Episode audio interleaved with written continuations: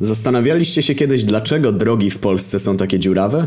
To nie wina klimatu, rozmarzającej w dzień i zamarzającej w nocy gołoledzi. To nawet nie wina wyładowanych dwa razy ponad normę ciężarówek, tirów itd. To wina rządu. Albo właściwie to moja wina.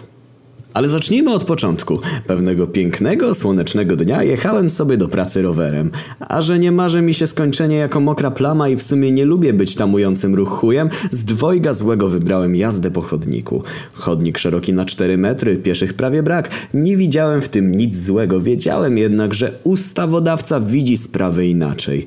To też gdy zobaczyłem jadący z naprzeciwka wóz dzielnych strażników prawa, sprawiedliwości i stref płatnego parkowania panującej w naszym mieście, od razu zapaliła mi się ostrzegawcza lampka. Zeskoczyłem z roweru i zacząłem go prowadzić, licząc, że nie zauważą i pomyślą, że prowadziłem go jak debil przez ostatnie cztery kilometry. Przeliczyłem się. Włączyli koguta i zjechali na pobocze. Nie chciałem czekać, wysłuchiwać połajanek, ani zasilać mocno napiętego budżetu kwotą trzech dniówek mojej ciężkiej pracy, to też wyskoczyłem z powrotem na rower i z prędkością cwałującej antylopy wjechałem w boczną, jednokierunkową uliczkę, zanim strażnicy miejscy zorientowali się, co się dzieje. Wykorzystując moją zwrotność i manewrowość, zgubiłem pościg i pełen błogiej nieświadomości dojechałem na miejsce. Jednak tak jak miłościwie nam panujący prezydent Duda nie jest specjalnym fanem wolnego rynku i myśli anarchokapitalistycznej, jednak trzecie aksjo wybitnie w jednym względzie szanuje i nie pozwala, aby jedyna dziura Rzeczypospolitej, to jest dziura budżetowa, była poszerzana przez jakąkolwiek knagę inną niż państwowa. Mandaty muszą być płacone bez względu na koszty. Może gdybym jechał w kominiarce i zacierał pozostawiane przeze mnie ślady DNA, spryskując je obficie amoniakiem, dalsze wydarzenia nie miałyby miejsca, jednak z nieco dziecięcą naiwnością liczyłem, że po powrocie do domu wszelkie gwiazdki policyjnego pościgu znikną bez śladu, tak jak miało to miejsce w GTA. Do mojego kredytowanego w szwajcarskim banku i walucie mieszkanka zapukały dwa niebieskie ogary państwowego aparatu przemocy, żądając mojej kapitulacji i uiszczenia mandatu w terminie natychmiastowym.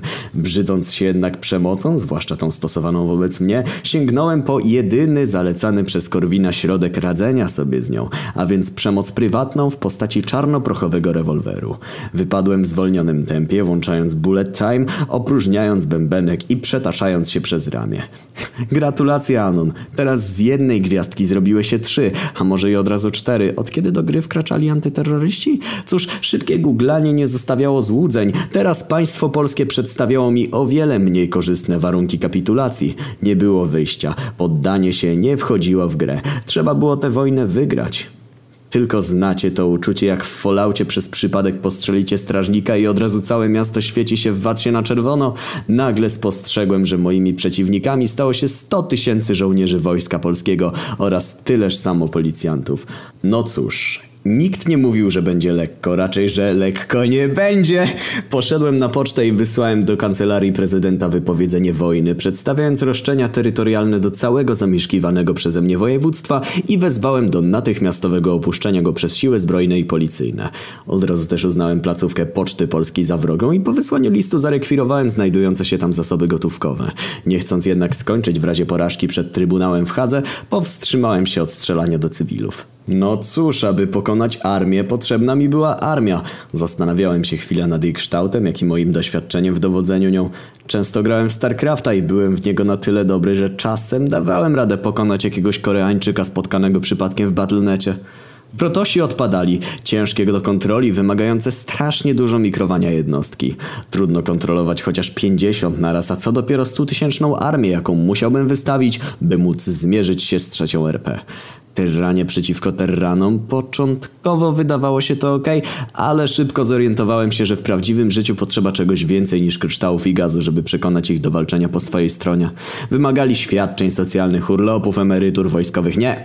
Nie było mnie na to stać i nie miałem ochoty się w to bawić. Szybkie w produkcji, tanie jednostki, nie wymagające zbyt dużej kontroli, w dodatku mogące ukrywać się przed wrogami zakopując się w ziemi, zdecydowałem się na zergów. Jakim cudem miałem wytrzasnąć zergów na ziemi, pytacie? Mam swoje sposoby. Zadzwoniłem do kolegi, który na co dzień pracował w laboratorium i bił mi winien parę przysług.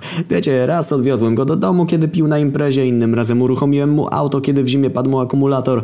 Czas, żeby się odwdzięczył. Krótka piłka, siemasz dzichu. Mógłbyś załatwić mi trochę mutagenu? Muszę stworzyć armię zergów. Jasne, stary, dla ciebie wszystko. Wpadnij jutro po południu, przy okazji skoczymy gdzieś na piwko. Swój chłop nie zadawał zbędnych pytań i nie stwarzał sztucznych problemów. Naturalnie sam mutagen stanowił dopiero pierwszy krok, jeden z tysiąca kroków, które musiałem wykonać, aby zmiażdżyć siły Rzeczypospolitej w walnej bitwie i móc dyktować warunki zawieszenia broni. Zwerbowałem paru żuli sprzed sklepu, kusząc ich darmowym wiktem, opierunkiem i sporym zapasem gorzały. Pierwszych trzech zamieniłem w drony i kazałem im na prędce zbudować bazę w centrum borów tucholskich. Wkrótce wykluły się pierwsze jaja i wyciągały się z nich ślepe, bezbronne larwy żuli. Nakarmione wódką i kryształami zawinęły się w kokony i przepoczwarzyły w hydraliski. I w samą porę właśnie w tej chwili z drzew wyłonił się oddział antyterrorystów.